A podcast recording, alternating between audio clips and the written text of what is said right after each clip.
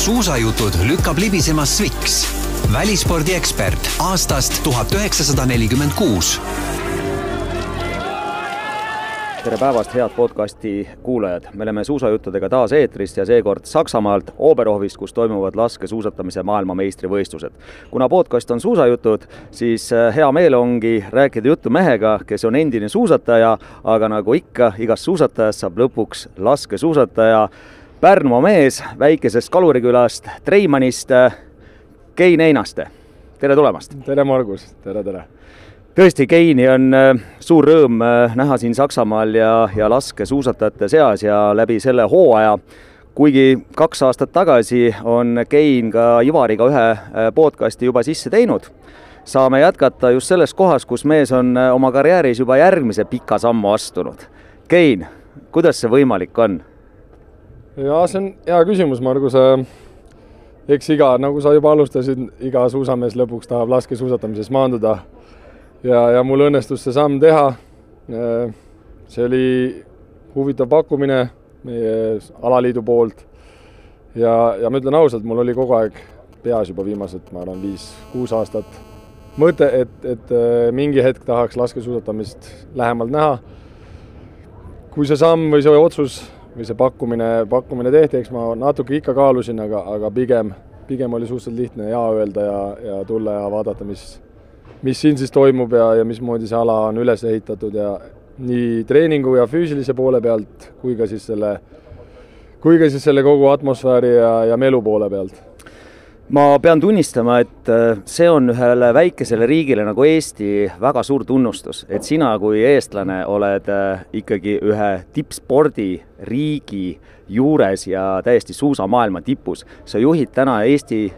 Šveitsi laskesuusakoondist, ennem seda olid sa neli aastat murdmaasuusakoondise juures ja sellest kaks aastat siis tegid koostööd äh, neljakordse olümpiavõitja Dario Colonia endaga. ja nüüd oled laskesuusatamise juures, et see on ikka no kummaline on tunda seda, et äh, Eesti mees juhib ühte suurt laskesuusakoondist ja kuigi ma, kui ma sul päris ausalt ütlen, siis kindlasti on need sammud lihtsamad, kui sul on äh, teine, teine pass kui Eesti pass. et eks see ma arvan, et kui sa Eesti passiga näitad oma tööeetikat, siis ma arvan, on, on hiljem lihtne, aga just need esimesed sammud tavaliselt, ma arvan, on, on kindlasti lihtsam, kui sul passis on, on üks teine, teine lipp või, või teine kodakondsus. et seda ma pean ausalt tunnistama, aga see hetk, ma arvan, kui eestlane saab oma tööeetikat ja motivatsiooni näidata, ma arvan, et me oleme väga sellise suure tööeetikaga, nii et ma arvan, et see on kindlasti hiljem seda hinnatakse kõrgelt, et see on selle võimalikuks teinud, ma arvan. aga kui sa viis aastat tagasi siis Šveitsi koondise juurde sattusid, siis äh, mulle meenub, et äh, kutsuja oli endine kahevõistleja Hippolyt Kempf ja ma kujutan ette, missugusest risttulest sa pidid läbi käima, et passist üksi ei piisa, et sealt siis esimene selline etapp äh, läbida, et tulla üldse Šveitsi koondise juurde? ja see, see kogu see sõel seal alguses kindlasti oli, oli karm, ega seda ei saa salata ma ei tea täpselt kõiki neid konkurente, kes seal too hetk olid, seal oli, oli ka palju skandinaavlasi too hetk. miks mina valituks sain, võib-olla mu see esimene, esimene sotsiaalne oskus ka aitas kaasa, sest eks see esimene esmatutvus või esimene nägemine kindlasti aitab, aitab mingil määral, aga, aga lõpuks see sõel oli, oli suur, sa pidid oma visiooni ja, ja nägemust päris mitu korda tutvustama, nii et kuidagi lõpuks Hippoliidile jäi see kõige muljetavaldavamaks, et lõpuks tema selle otsuse ju, mitte küll võib-olla ainuüksi, aga, aga tema selle otsuse tegi, jah. aga noh, treeneriks kasvamine, see ei sünni ka ju nipsust, ehk et äh, sa lõpetasid oma suusa äh, spordikarjääri, mis tegelikult ju parimal päeval olid sa maailmakarikal seitsmes mees, et äh, ei ole nüüd medalimees Šveitsi poolt vaadates nagu mitte midagi, aga samal ajal eestlase poole pealt vaadates on see ikkagi kõva sõna, ehk sul on kaasa võtta tohutu kogemus ja nüüd ma tahaks just teada saada, et kust sa selle teise poole oled endale saanud, eh, mis puudutab ikkagi sellist äh, hariduse osa, sest ma ei usu, et šveitslased võtaks mehe, kes pole koolis käinud. ja kindlasti esimene, mis, mis selle küsimuse esimesele poolele on, siis seda ma kuulen kogu aeg meedialt, et kuidas on võimalik, et mees ilma, ilma, ilma enda isikliku karjäärita siis nii kõrgel on, sest kuidagi meil on see mõttemaailm, et, et sa pead ise olema ka tipus olnud. ma olen proovinud neile näidata siis seda, et iga tipptreener ei pea olema tippsportlane varem, mis ma arvan, et on isegi hea samm, kui sa oled olnud tipus ise, siis ma arvan, et sul on raske võib-olla näha muid alternatiive, siis sa oled väga tugevalt kinni selles oma, oma edu valemis. ja, ja treeneriks kasvamine kindlasti üks, üks suur äh, iidol või suur eeskuju on olnud mu enda isa, kes kunagi alati ütles, et et haridus on see, milleta sa lõpuks nagunii läbi ei saa. et sa võid seda sporti teha, üks hetk sa spordi ära lõpetad, siis pead niikuinii hariduse pealt hakkama edasi edasi tööd tegema või oma karjääri tegema, nii et see kindlasti oli hea tõuge, miks omal ajal need hetked, kui seal peale teismelist või siis lihtsam oli võib-olla laisk olla, siis mingil määral ikkagi sundis,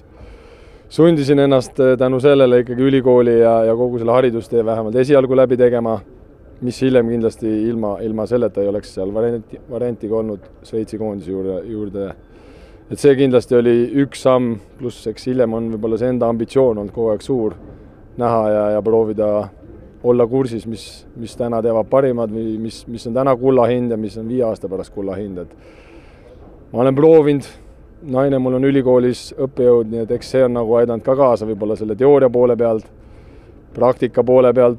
proovid ise alati olla ka küllaltki avatud ja, ja võib-olla see inimlik pool siis on aidanud neid kahte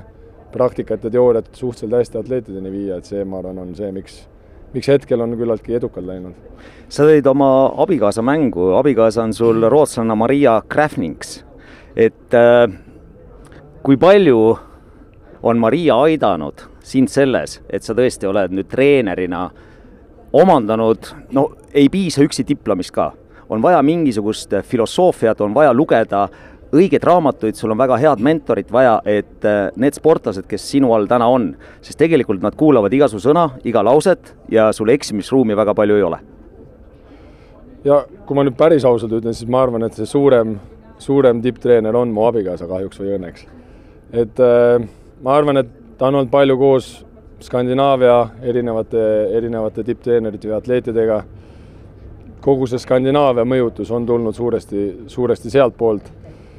võib-olla on ka pluss see, et ma olen näinud siis ka küllaltki lähedalt seda idabloki treeningmetoodikat, Skandinaavia ja kui sa need võib-olla kaks kokku paned ja ise omavahel veel analüüsime, et ma arvan, et see on küllaltki hea aluspõhi enda visiooni kujundamiseks. Et selles mõttes ma pean suure kummarduse talle tegema, et, et seal on, ta on kogu aeg hoidnud mind kursis, on kogu aeg kõik need treeningplaanid või need, ma olen kõige rohkem ikkagi alati temaga, temaga arutanud, et nüüd eriti veel, kui on naistekoondis ka et seal tuleb võib-olla see natuke teistsugune psühholoogia mängu kui, kui võib-olla meestega või teine lähenemismeetod, et siis kindlasti ta on nagu rohkem kui abiks olnud ja, ja ta on nagu alati olnud ka Bologna või, või, või meestekoondise juures alati, alati olnud kursis, mis me teeme ja alati ikkagi nõu ja jõuga olnud alati kaasatud, jah mulle tundub, et sa neid kummardusi pead jätkuvalt tegema, sest äh, isegi see, kui ta sind aitab seal äh, plaanide korraldusel või annab sulle mõtteid, siis kuna sul on pere, kaks tütart, Maria peab ju seal oluliselt rohkem panustama, kui sina täna siin oled. ja eks see on see varjukülg, ma arvan, mida, mida treeneri tööga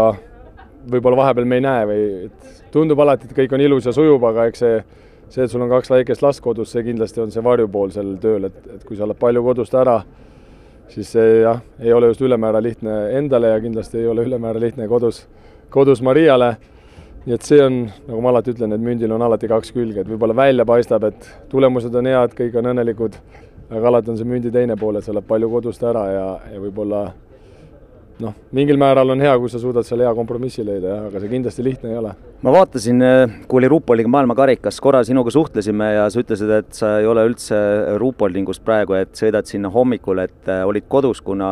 äh, tütred olid haiged. et sa leiad alati ise ka võimaluse, noh, kui vähegi võimalik, sa lähed koju ja toetad? jaa, ma olen proovinud, sest meil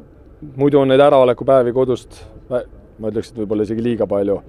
siis ma olen proovinud natuke leida ikkagi inimliku lahendi, et, et ma olen, nüüd oli Kesk-Euroopas pere kuus nädalat, et siis selle kuue nädala jooksul ma käisin maailmakarikatel ikkagi küllaltki ainult võistluspäevadel.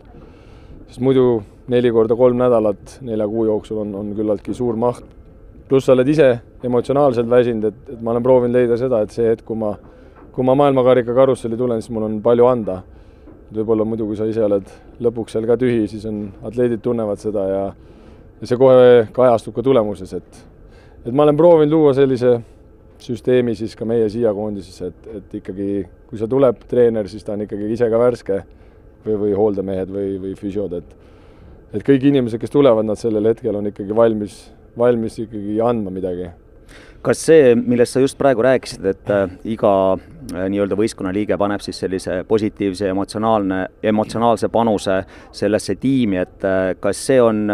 sihikindel töö, ehk te räägite sellest nagu omavahel palju, et noh, kui sul nagu on halb tuju, siis nüüd on viimane hetk see nagu ümber muuta ja, ja kuna tulemusi mõõdetakse kellaga, siis seal ei ole noh, ruumi, ei ole nii-öelda nendeks emotsioonideks, mis tulemusele juurde ei anna.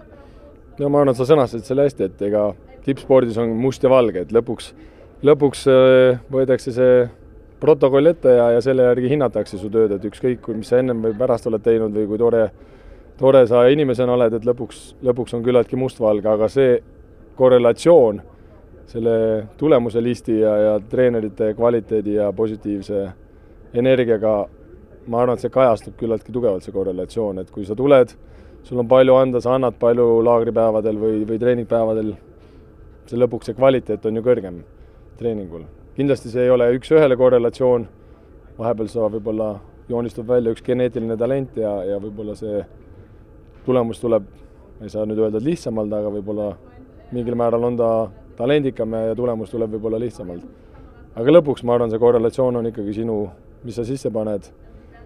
ja, ja kuidas sa selle edasi annad, et see lõpuks korreleerub tulemusena ikkagi küllaltki üks-ühele. korraks veel Maria juurde, et äh, mulle on jäänud kõrvu see, et kui Maria esimest korda Eestis käis, äkki oli see kahe tuhande kuuendal aastal äh,,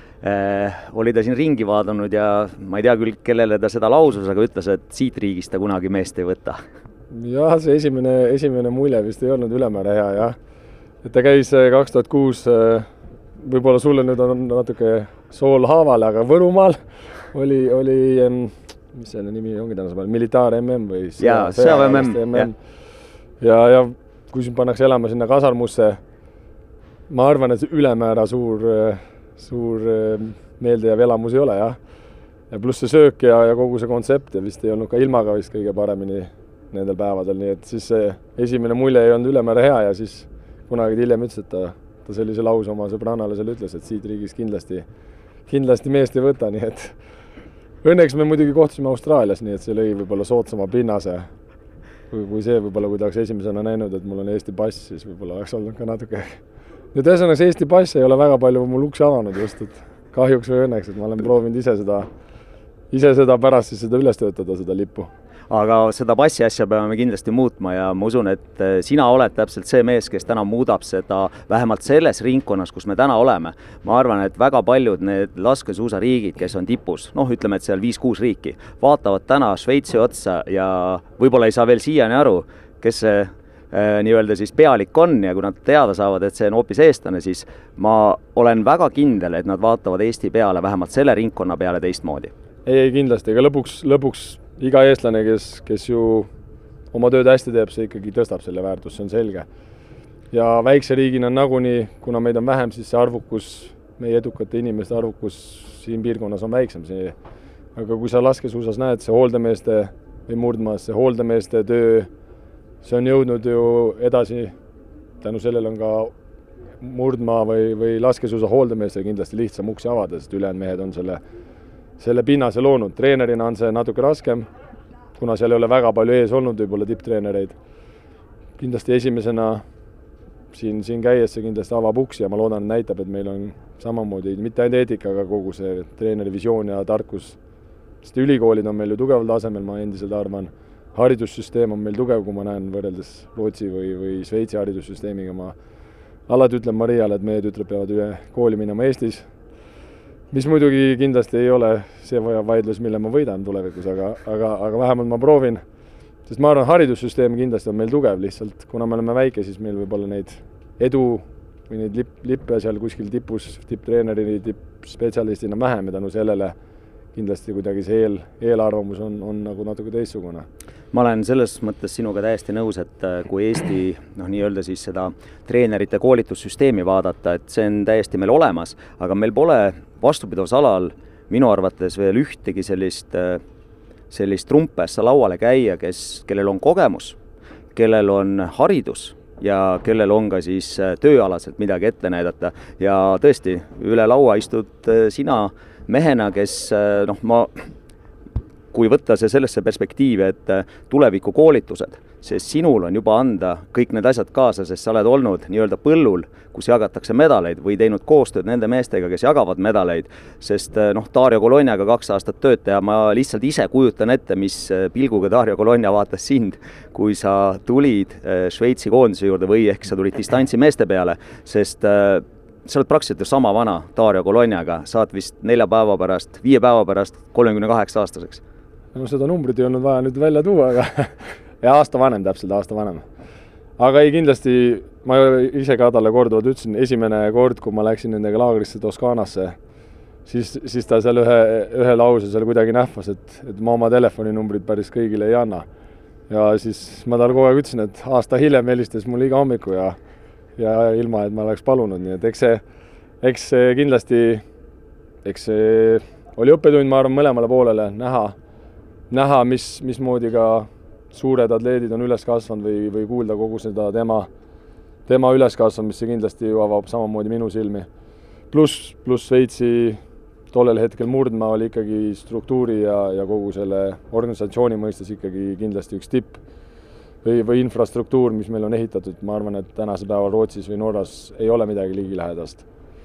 et see kindlasti on üks, mis avab ka võimalusi, et sa saad ise seal areneda, sa saad leida vahendeid kuna sul on infra olemas, kuna sul on mingil määral ikkagi tipptasemel inimesed ümber.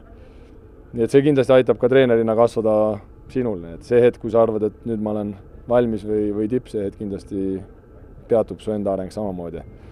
ja, ja tippatleetidega kindlasti on mõlemapoolne see arenemine, et sina proovid omalt poolt anda ja arendada, samas vastu sa kindlasti arened ka ise, kui nähes, nähes, mismoodi võidetakse medaleid või mismoodi see mentaliteet seal on sa oled äh, nagu õnnesärgis sündinud, kui ma mõtlen Šveitsi koondise peale, mm, sa sattusid sinna, kui oli äh, Dario parimad ajad. sa ei saanud küll temaga neid kuldasi võita, aga sa olid tema siis karjääri äh, lõpu juures ehk kaks viimast aastat tegid temaga koostööd. et sa olid nagu nii lähedal tipule, kui üldse saab olla ja, ja samas peame tunnistama, võib-olla isegi sa ei oleks väärinud seda, aga sul on nii hästi läinud, et sa oled kogu aeg olnud õiges kohas, õigel ajal ja kui me nüüd jõuame peagi laskesuusatamise juurde, siis mul on tõesti täna tunne, et sa oled õigel ajal õiges kohas jälle. ma muidugi jääks selle versiooni juurde, et ega kõik asjad on ikkagi ise välja teenitud, et selles mõttes õigel ajal õiges kohas, nagu ma ka atleetidele ütlen alati, et vahepeal, vahepeal või eile me näiteks, näide on, et eile me lootsime, et medal tuleb niisama ja, ja ma pärast pidin ka mõlemale kurjalt ütlema, et, et siin midagi tasuta ei tule. see, kui sa oled hästi teinud kuni eilseni, ei, anna sulle eile ühtegi lisasekundit. et äh, ma arvan alati, et kõik asjad on ikkagi ise välja teenitud ja ma jään selle versiooni juurde, aga kindlasti see, et ma Šveitsi sattusin, seal on ka mingid asjad, mis on positiivselt minu poolele sattunud. see, et ma murdmaast laskesuuska sattusin, ma arvan, et see ikkagi oli, oli töö tulemus eelneval neljal aastal, et see reputatsioon või see, see kuidagi see välja teenida aga jõuame nüüd laskesuusatamise juurde, et äh, neli aastat siis äh, äh, murdmaa suusatamise koondise juures ja kuna Šveitsis on siis suusaliit üks ehk ühendab kõiki noh, talialasi, mäesuusk muidugi lipulaev, siis ülejäänud tulevad vaikses reas ja, ja laskesuusatamise juurde suusamees, ehk et mina ise mõtlen, et kui tihti siis Šveitsi alaliidus räägitakse sellest, et, et laskesuusatamisest edasi jõuda, on vaja kaasata murdmaasuusa taustaga spetsialiste, ehk ma toon siin selged paralleelid, Norra koondis on üks esimesi äh, nii-öelda teenäitajaid äh,, tõid Kristjanseni sisse, prantslased järgnesid, tõid äh, Vincent Vitosi sisse. Äh,, nüüd on ka naiste peatreener mm, murdmaasuusata-, jah, murdmaasuusatamise taustaga. Äh, ja ka näiteks äh, Soome tänane treener on ühtepidi norralane ja ka murdmaasuusatamise taustaga, saanud ka sellise hea kogemuse siis Ole-Einar Pördaleni juures. Ja nüüd tegid šveitslased selle käigu, ehk kas me räägime ikkagi laua peale pandud nagu malenuppudest, et šveitslased praegu mõtlevad nii, nagu mõtlevad laskesuusatamise tippriigid? ja ma arvan, et esimene, esimene, mis, mis meie alaliit mõtles, oli see, et sul on kodus mm kaks tuhat kakskümmend viis. ja kui sa selle ära kaardistad, meil, meil ma arvan, küllaltki palju inimesi seal sai aru, et, et meie probleem ei ole see, mis, mis me lasketiirus teeme, meie suurim probleem oli see, et me kaotasime ikkagi väga palju ühest lasketiirust kuni järgmiseni.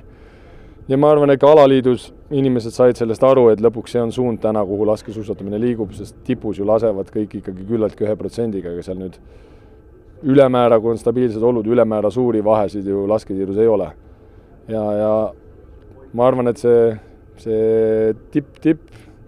on see, et sa vahet tehakse palju ka murdmaarajal, meie alaliit sai sellest aru, ma arvan, natuke survega koduse MM-i eduks ja, ja ma arvan, nii see pinnas oli loodud, et, et ma arvan, seal saadi aru, et see on ainuke, nagu sa ennem välja lugesid, hetkel on kogu tipp sinna suunda liikunud, kõik äh, treening ehitatakse üles murdmaa põhjale ja, ja siis pannakse see pusle kokku laskesuusa või, või laskmisosaga.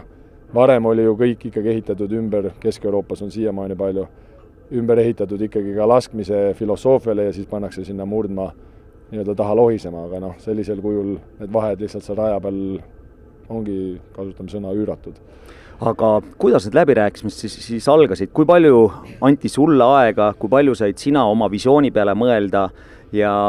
oli ka teisi variante? ja see kevad mul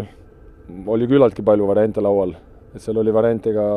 töötada Skandinaavias seal mõnede murdmaakoondistega edasi, oli, oli variante ka natuke teistelt spordialadelt, mul oli küllaltki hea tugev suhe seal murdmaa meeskonnaga, et see kindlasti ei olnud lihtne otsus selles mõttes ja, ja seal need mehed olid ikkagi väga, väga huvitatud, meie koostöö jätkuks. ma natukene seal tundsin, et võib-olla, võib-olla see kuidagi oli enda arengu mõistes juba jäänud nagu samasse ringi, et, et ma võib-olla pean midagi otsima ka, kus ma ise arenen. Ja, ja ega see päris see pakkumine tuli ikkagi küllaltki, meil oli Hippoliidiga, kes tollal oli veel siis nii-öelda kogu selle sektori juht, üks, üks kõne ja selle käigus siis ta, ta ütles, neil on selline mõte laual, et luua see selline positsioon, kes võtab üle kogu selle füüsilise treeningu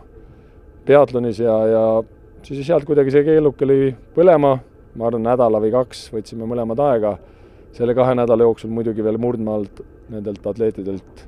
oli kõva surve, et, et ma jääks murdmaasse, nii et lõpuks me leidsime siis kompromissi, et et ma kaheksakümmend protsenti ametlikult siis töötan laskesuusaga ja kakskümmend murdmaaga, mis ma arvan, tänaseks päevaks on tulnud sada kakskümmend ja viiskümmend või kuidagi niimoodi, et et sellist kaheksakümmend protsenti muidugi oli raske lõpuks, aga, aga ametlikult me jäime selle juurde ja et ma aitan kakskümmend protsenti siis need murdmaa-atleetidel veel üle minna siis uude treening, treeningmetoodikasse ja siis tulla nii-öelda kaheksakümmend protsenti laskesuuska ja, elada sisse siis laskesuusamaailma ja, ja luua siin kogu see ettevalmistuse süsteem ja füüsiline ettevalmistus äh,. Äh, Kein, aga räägi korra tänased Šveitsi koondise siis treenerite positsioonid, et ma tean, et äh, Remo Krug, Sandra Flunger on pigem laskmise peal, kuigi Remo Kruugilt sa võtsidki siis selle meeste treenimise poole ka üle. kuidas need rollid on jagatud, et äh, sinu positsioon ja treenerid? no eks seal alguses meil oli ka keeruline, kuna me, kuna mul olid pikad läbirääkimised, siis nii-öelda töö juba oli alanud mais ja ma liitusin siis ikkagi mai lõpus ametlikult nagu laske, lasketreenerina, et sinnamaani ise võtsin aega ja, ja, ja kuna seal murdmaa ja laskesuusa vahel ei olnud ka selge, et kuhu ma lõpuks siis maandun, siis kindlasti see alguse faas oli natuke selline krobeline aga kuna seal oli ka kohe atleetide või kogu selle süsteemi huvi, et, et see füüsiline ettevalmistus tuleb nagu, nagu minult, siis oli mul selle võrra lihtsam ka kohe see üle võtta, et, et hetkel oleme siis, ma arvan, juunist olnud sellises süsteemis, et eh, nii-öelda kui füüsilisest treeningust räägime, et mina loon treeningplaani mm, ja siis lasketreenerid lisavad sinna treeningplaani nende laskevisiooni ja, ja siis me proovime natukene leida kompromissi, kuna noh, see alati ei ole ju päris lasketreener või laskmine eeldab, et sa, sa tuled ikkagi mingi aja tagant lasketiiru, et siis siis võib-olla natuke sellest eh, murdmaa või füüsilisest visioonist ma pean natukene tulema siis sinna suunda, et me saaksime aeg, aeg-ajalt ikkagi lasketiiru tulla. aga põhimõtteliselt me oleme ehitanud kogu, kogu ettevalmistuse ikkagi murdmaa või minu nägemuse peale ja siis proovides seda edukalt kombineerida laskmisega naistega hetkel on meil natuke, naistega meil on kuna, kuna Sandral oli ka seal huvi jätkata, jätkata seda visiooni, mis neil oli olnud, siis naistega me oleme proovinud natuke rohkem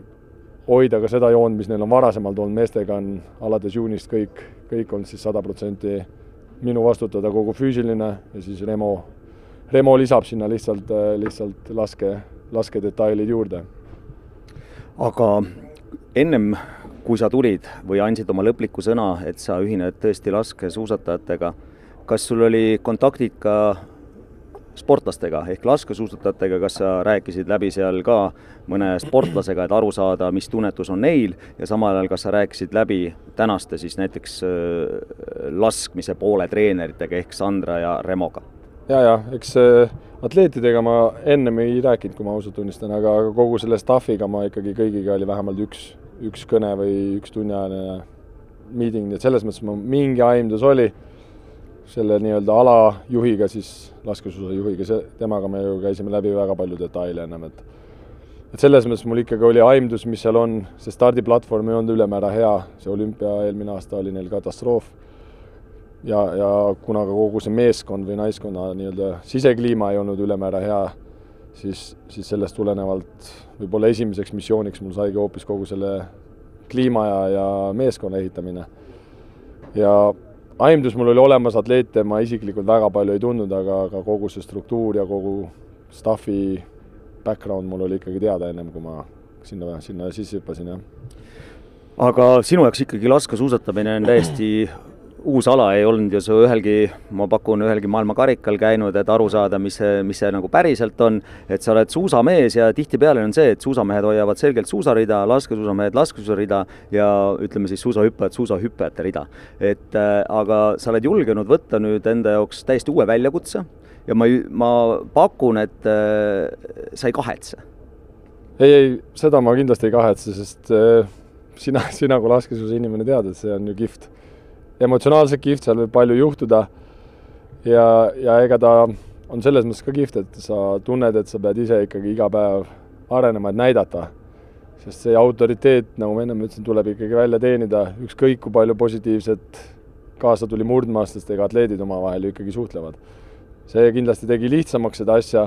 see, et sa oled Ontario koloonia treener, kindlasti loob ka hea pinnase autoriteedi tekkeks, aga lõpuks sa pead ikkagi ise näitama või atleedid uskuma panema sellesse, et see oli kindlasti ka selles mõttes hea, et ma pidin kogu aeg ikkagi, siiamaani, sa pead ikkagi hoidma ennast kursis ja proovima näidata, et sa tead, mida sa räägid. vahepeal sa saad muidugi ka ära petta keelebarjääriga natuke, aga aga üldiselt sa ikkagi pead näitama, et et sa tead ja, ja see eeldab, et sa oled ikkagi kursis ja, ja vaatad ringi, aga otsus, otsus on kindlasti kihvt olnud jah, et seda ma kindlasti ei kahetse hetkel nagu sa ütlesid, et äh, Šveitsi suusaliit siis äh, vaatab selgelt kahe tuhande kahekümne viienda Lanzerheide maailmameistrivõistluste poole, samal ajal on Rahvusvahelisel Alaliidul ju selge jada välja töötatud, et kõigepealt Euroopa meistrivõistlused, siis juunioride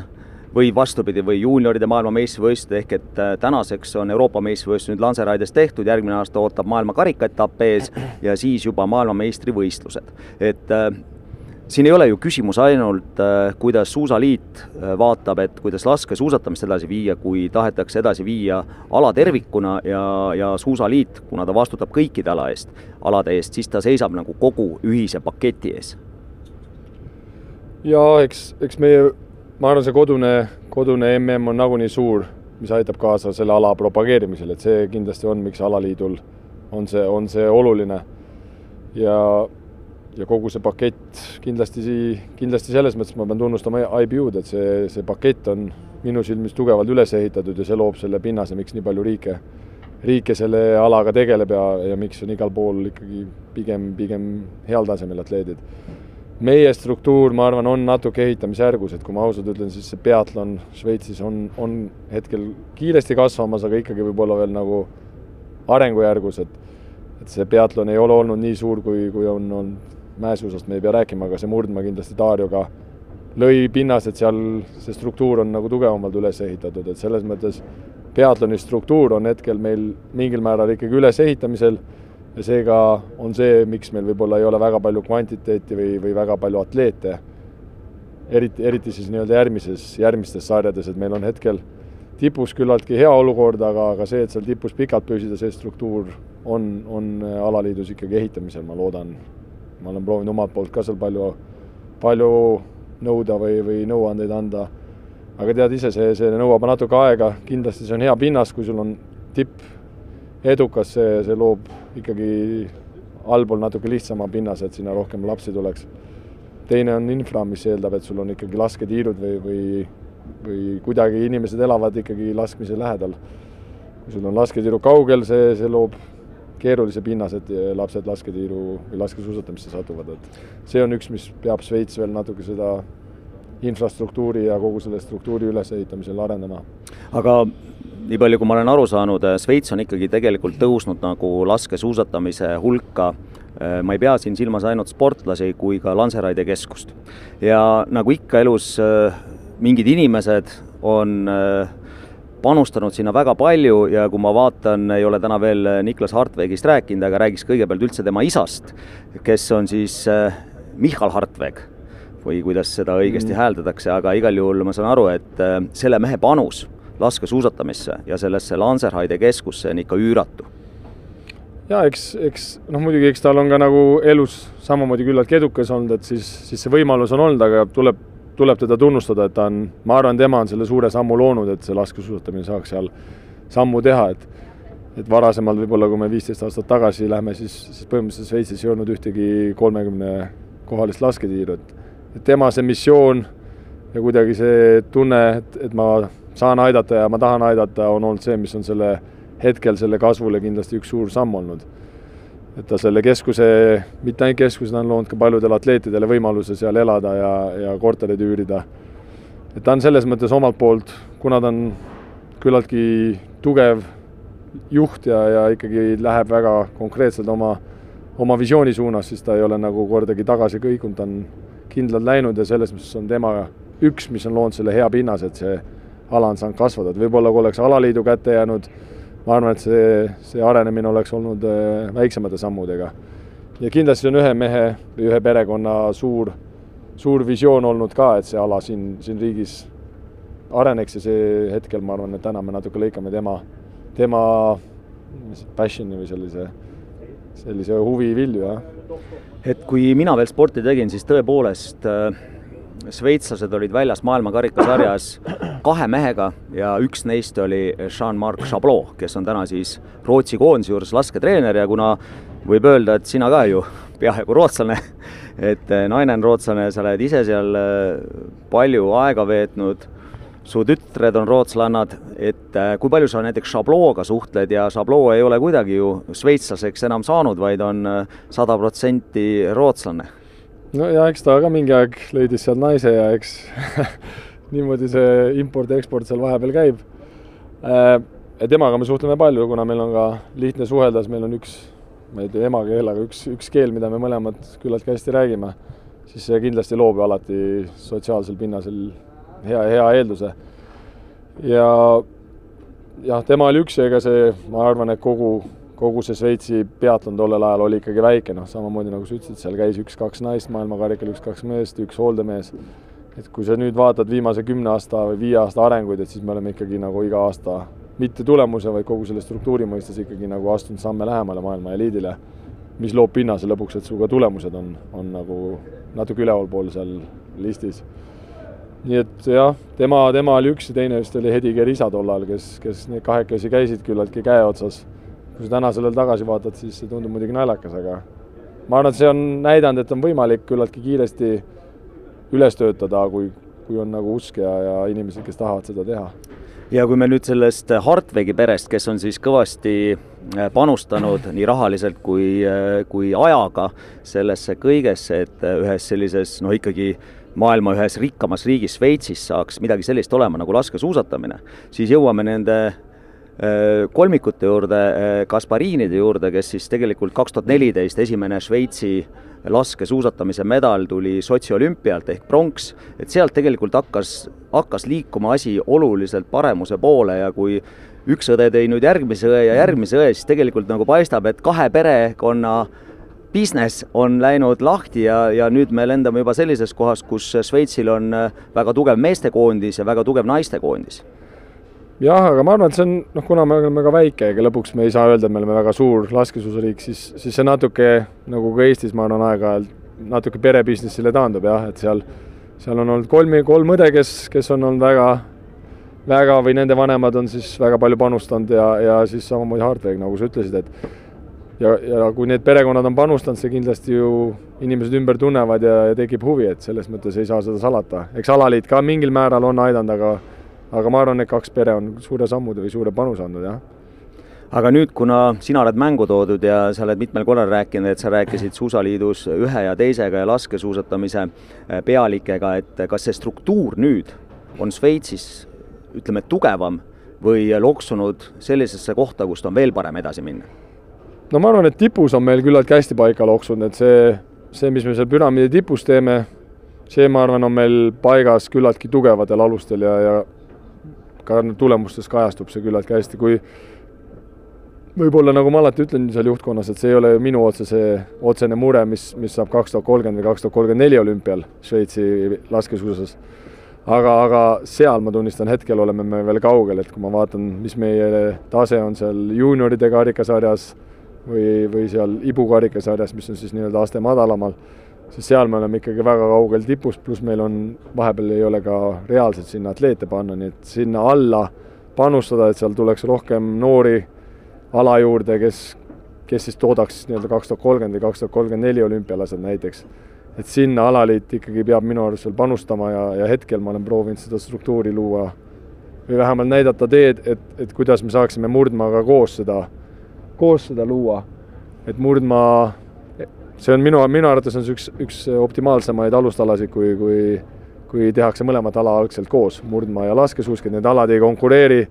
vaid nad äh, saavad aru, et see on normaalne, kui, kui mõni alustab murdmaaga, läheb laskesuuska, mõni võib-olla tahab laskesuusast tagasi murdmaale minna või vähemalt, et inimesed proovivad mõlemat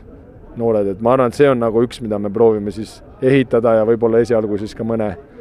mõne andeka murdmaa atleedi üle tuua, kuni nüüd siis väga nagu teravalt öelda, et üle tuua ja, ja et, et seal tekiks nagu mitte rivaliteet, vaid nagu koostöö, see on hetkel, mida me siis proovime seal luua. ehk see on, kuna sa oled ütelnud, et äh, Šveitsis ikkagi laskesuusatamine on väga väike ala, siis äh, suusatamine laskesuusatamine selles mudelis, et nad peavadki üksteist täiustama, ehk kui luua vundament, kus on olemas noortesarjad, kus on äh, noortegrupid ja ei ole väga suurt vahet, kas need on laskesuusatamise grupid või on suusatamise grupid, siis ühel hetkel on äh, loodud eeldus, et näiteks neljateist või kuueteistaastane noor saab siis oma valiku teha. Ja tegelikult on mõlemal alal sellest kasu. Jaa, täpselt, et, et sinna ma arvan, lõpuks peab jõudma ka Eesti ja, ja Šveits mõlemad, et et see, see lõpuks toob meile nagunii edutunnet või, või heaolutunnet, kui, kui meil on edukas atleet, et on ta siis murdmaas või laskesuusas. aga, aga see on natuke tööd sinna suunas, et see rivaliteedi või mentaliteet välja, välja juurutada. aga see on, see on üks mudel, ma arvan, mis on edu valem väikestel riikidel, et need kaks ala, kaks ala omavahel käivad teravalt, mitte teravalt, nagu hästi läbi, aitavad ja, ja ka atleetidel on normaalne arusaam, et see, seal ei ole midagi erakorralist või midagi hullu, kui ma tunnen, et see ala mulle rohkem meeldib ja, ja seda teha tahan, sest ega karjääri võib-olla on lihtsam isegi laskesuusas teha, kui ma, kui ma nüüd tänasel päeval vaatan, et siin on ikkagi natuke võimalusi rohkem, pluss ka kogu see rahastus on, on tugevam, et ja, hetkel murdmas on liikunud väga ühe, ühe riigi suunas, et võib-olla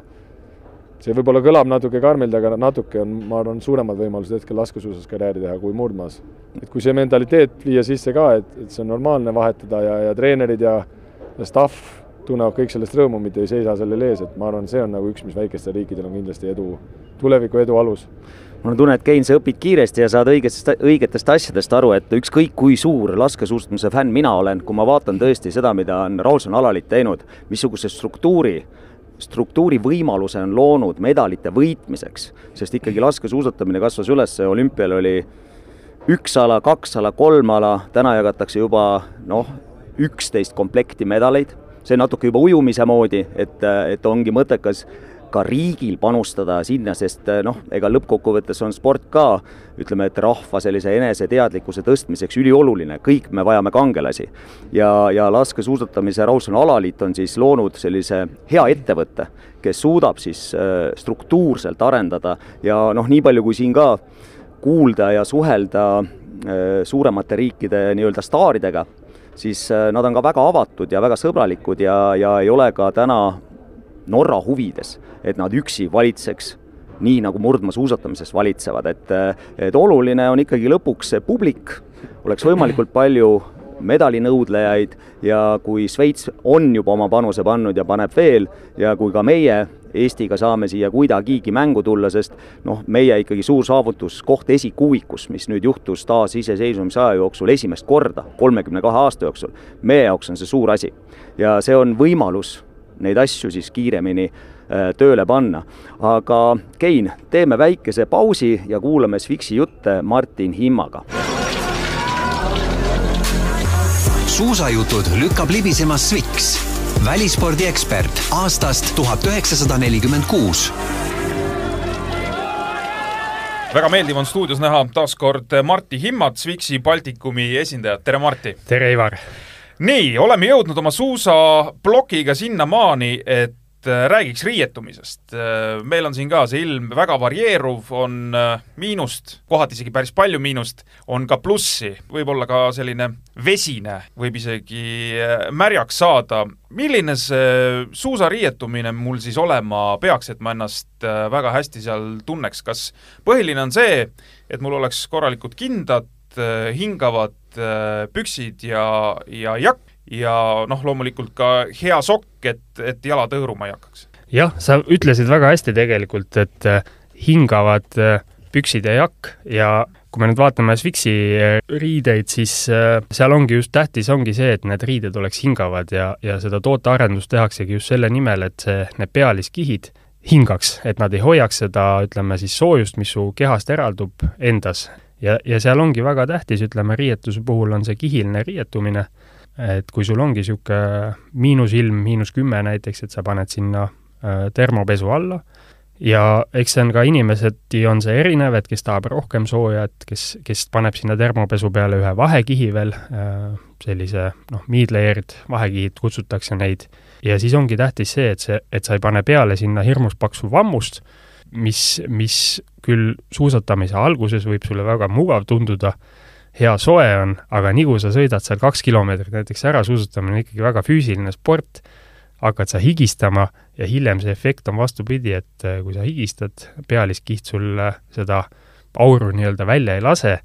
hakkab sul külm. et äh, väga õige tähelepanek, et äh, need pealiskihid, ütleme, peavad olema hingavad ja mitte üldse paksud, et tänapäeval need materjalid on nii palju hästi arenenud, et õhuke või kerge jakk ei tähenda seda, et ta talitingimustes ei töötaks. kui käia nüüd äh, kusagil suusarajal, äh, kuidas sulle tundub, inimesed riietuvad õigesti või, või on siin arenguruumi? raske teema võib-olla, mida kommenteerida, kuna ma, nagu ma ütlesin, et see on väga individuaalne, aga kohati tundub jah, et inimesed võib-olla kipuvad üle riietuma, et äh, tähtis on just see, see kihiline riietumine, et seal sa saad nagu nende kihtidega, sa saad siis vastavalt ilmale tunda ennast mõnusana, et, et ei oleks üle,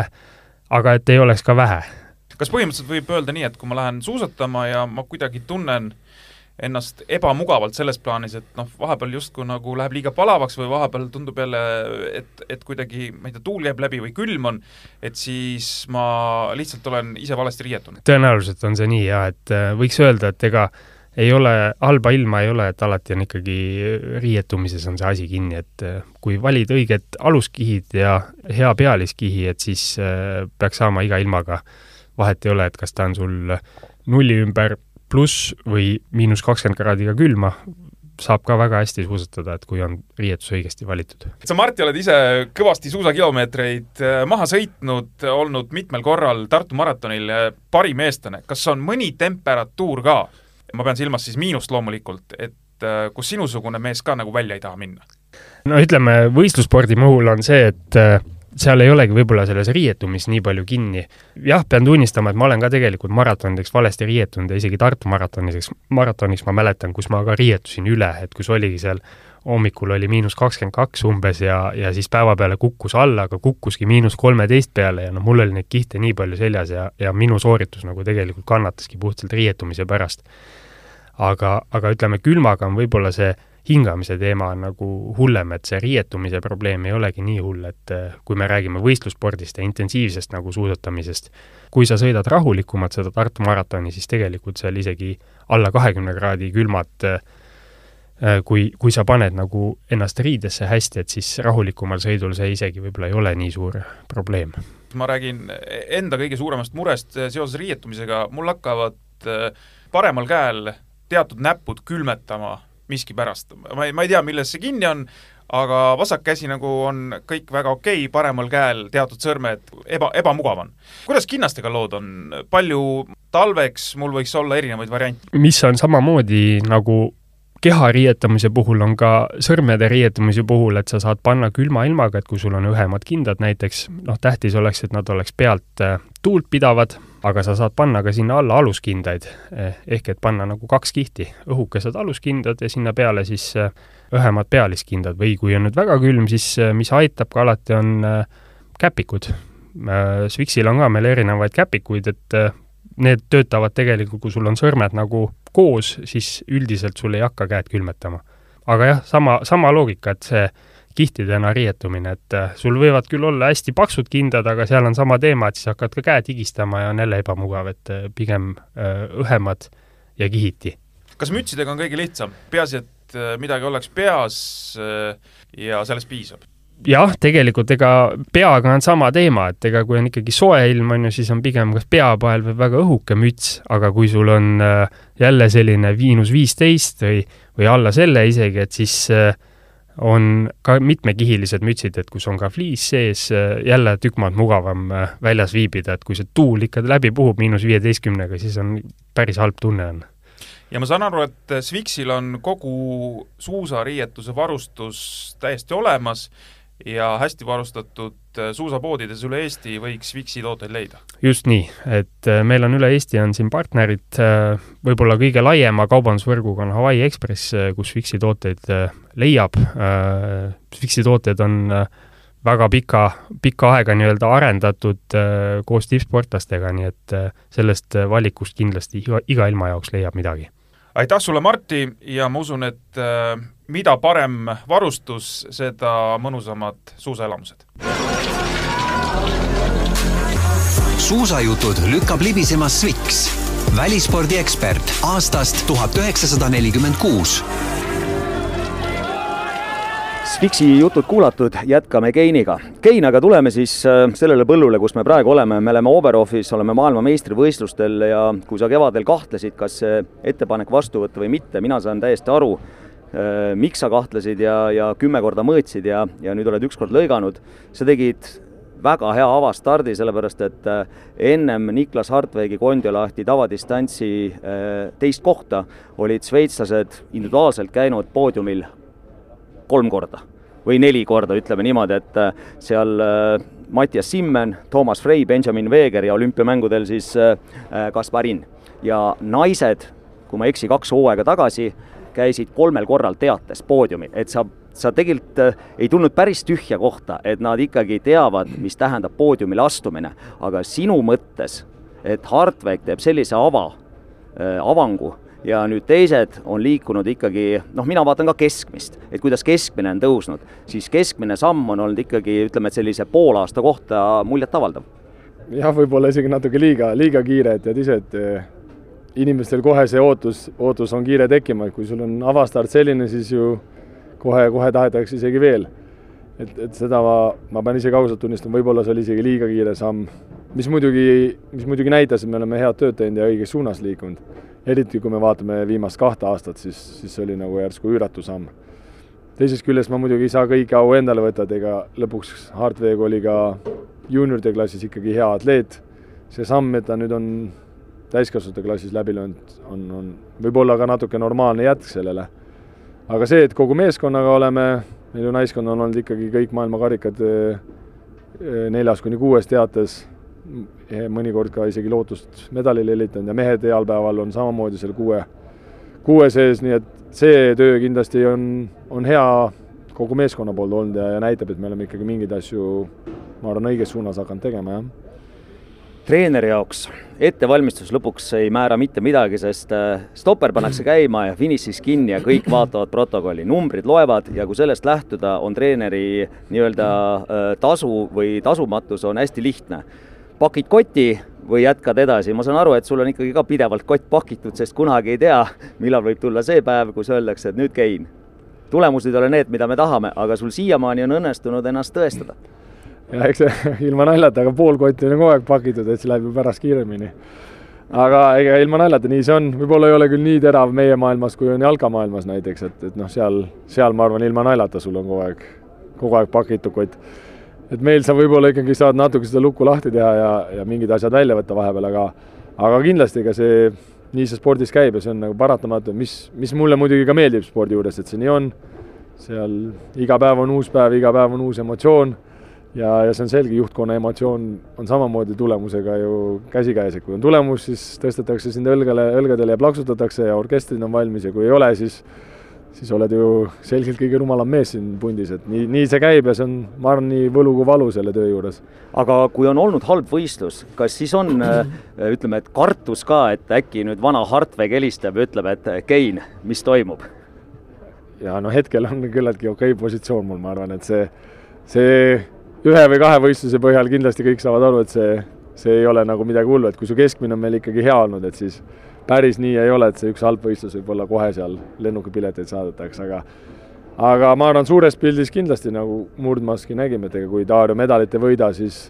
siis see, et ülejäänud, ülejäänud hästi teevad või kogu teatemeeskond hästi teeb, et see võib olla nagu kahvatus, et et see on kindlasti reaalsus, aga, aga hetkel kui meil kogu meeskond on hästi läinud, siis, siis ma arvan, see positiivne foon on muidugi hea, mis muidugi ei tähenda, et me saaks nagu õhku tõusta, et seda ma olen proovinud kogu aeg,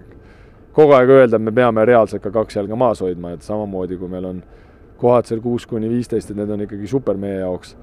kui seal kõik on kahekümne sees või kahekümne viie sees mõni maailmakarikas, et see on nagu ikkagi väga, väga tugev samm, et aga ka see ei ole ka nagu meie igapäevane reaalsus. et selles mõttes ma arvan, et see on nagu emotsioon on kihvt, see on, miks me seda ala ka teeme või jälgime. teisest küljest, et mingisugune reaalsus ja mingisugune jalad maas peame ka püsima, et, et võib-olla siis see pettumine ei ole teist poolt nii hull, kui sa nagu reaalselt asju näed ja, ja proovid hinnata, hinnata nagu tausta. kui palju sa tunnetad sinu enda kontakti äh, personaalselt iga sportlasega, ehk et äh, kui sportlane on ebaõnnestunud, kas äh, kas sa räägid temaga omavahel ka või kuidagi äh, üritad äh, tema tuju natuke parandada või, või käib see ainult läbi koosolekute või, või sinul on ikkagi terve pilt olemas, sa enam-vähem suudad ära hinnata iga sportlase võimekuse, hetkeseisud ja sa suhtled vajadusel ka personaalselt? ja ma kogu aeg ütlen, et, et kõige suurem roll on sul psühholoogi roll treeneri positsioonil, et kuna meil on ka väike tiim, siis, siis ma ikkagi olen kõigiga individuaalselt tihedalt ja, ja proovid ka näha rohkem asju kui ainult see sport, et kuidas neil muidu elus läheb, eh, mis, mis platvormil või mis, kes seal on just lahku läinud või, või kellel on seal midagi, midagi muud spordivälist, et, et ma ikkagi olen proovinud nii murdmas kui laskesuusas inimlikkusel tasandil nagu kõigiga kas just sõbraks saada, aga ikkagi väga sooja suhteid hoida, et, et näidata nagu üles omapoolset respekti ja oodata vastu siis respekti, et et ma arvan, ma olen kõigiga küllaltki, küllaltki lähedasel võib-olla, võib-olla isegi võib alati öelda, kus see, kus see sõpruse ja, ja treeneri autoriteedi piir on, aga ma olen proovinud ikkagi tänu sellele luua kontakti, et ma saan usaldada neid ja nemad usaldavad mind ja, ja ma arvan, meil on ka nagu koos väga, väga tore, tore meeskondlikult või, või, või siis kogu, kogu grupiga käia, et tänu sellele, et me oleme küllaltki ühte kasvanud mõni päev tagasi, kui sinuga staadionil vestlesime, me tegime saadet Viiest viis ja, ja siis oli meil just siin ennem tavadistantsi juhtunud selline noh, treeneri ja sportlase vaheline ütleme siis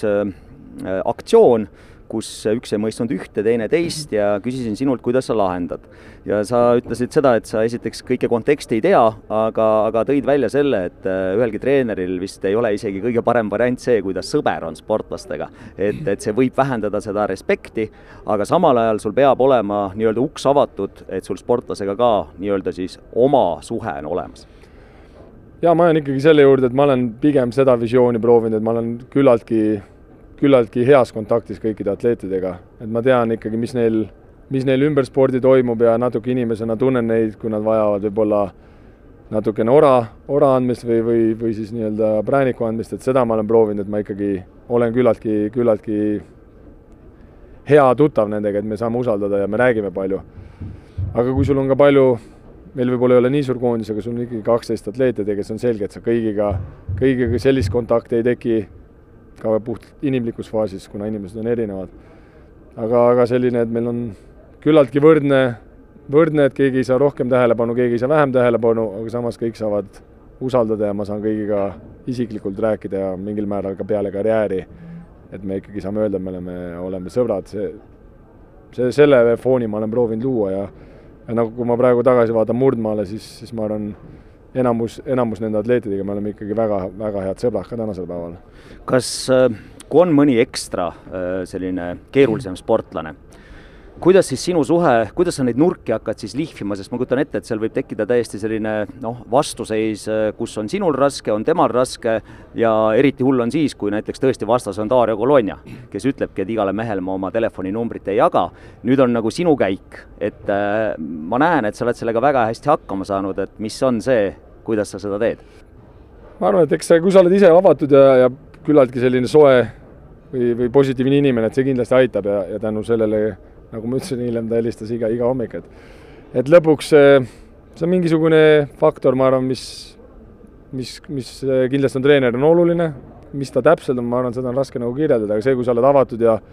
ja positiivne inimene, seda ju tunnetavad inimesed su ümber ja ja kui sa näitad, et sa hoolid, mis muidugi tuleb ausalt tunnistada, ega treenerina sa iga päev ei saa ka hoolida põhi, südamepõhjani kõigi atleetide argimuredest, sest sul on enda, enda pere, mis on ju alati kõigist kõrgemal aga kui sa näitad, et see läheb sulle korda ja, ja see tegelikult ka läheb sulle korda, et ma arvan, see avab neid uksi ikkagi, et seal atleedid hakkavad sind usaldama. aga nagu sa ütlesid, et ega kõikidega sa nagunii ei saavuta sellist suhet võib-olla, kuna te inimestena olete lihtsalt nii erinevad, siis sa pead leidma sellise hea poliitiliselt korrektse äh, koostööpinna, et, et vähemalt te mõlemad saate, et see ei hakkaks häirima kogu meeskonda, et see on see on, ma arvan, kunst ja, ja kuidas seda teha, ma arvan, et see on iga, igal juhul natuke erinev, et seal mingit sellist retsepti, et nüüd ütled seda ja, ja nüüd käidud nii, et ei ole, et eks see on natuke selline tunnetuslik, siiamaani ma pean tunnistama, et see on, see on küllaltki hästi läinud, võib-olla ka aitab seal, et sa oled ise sama,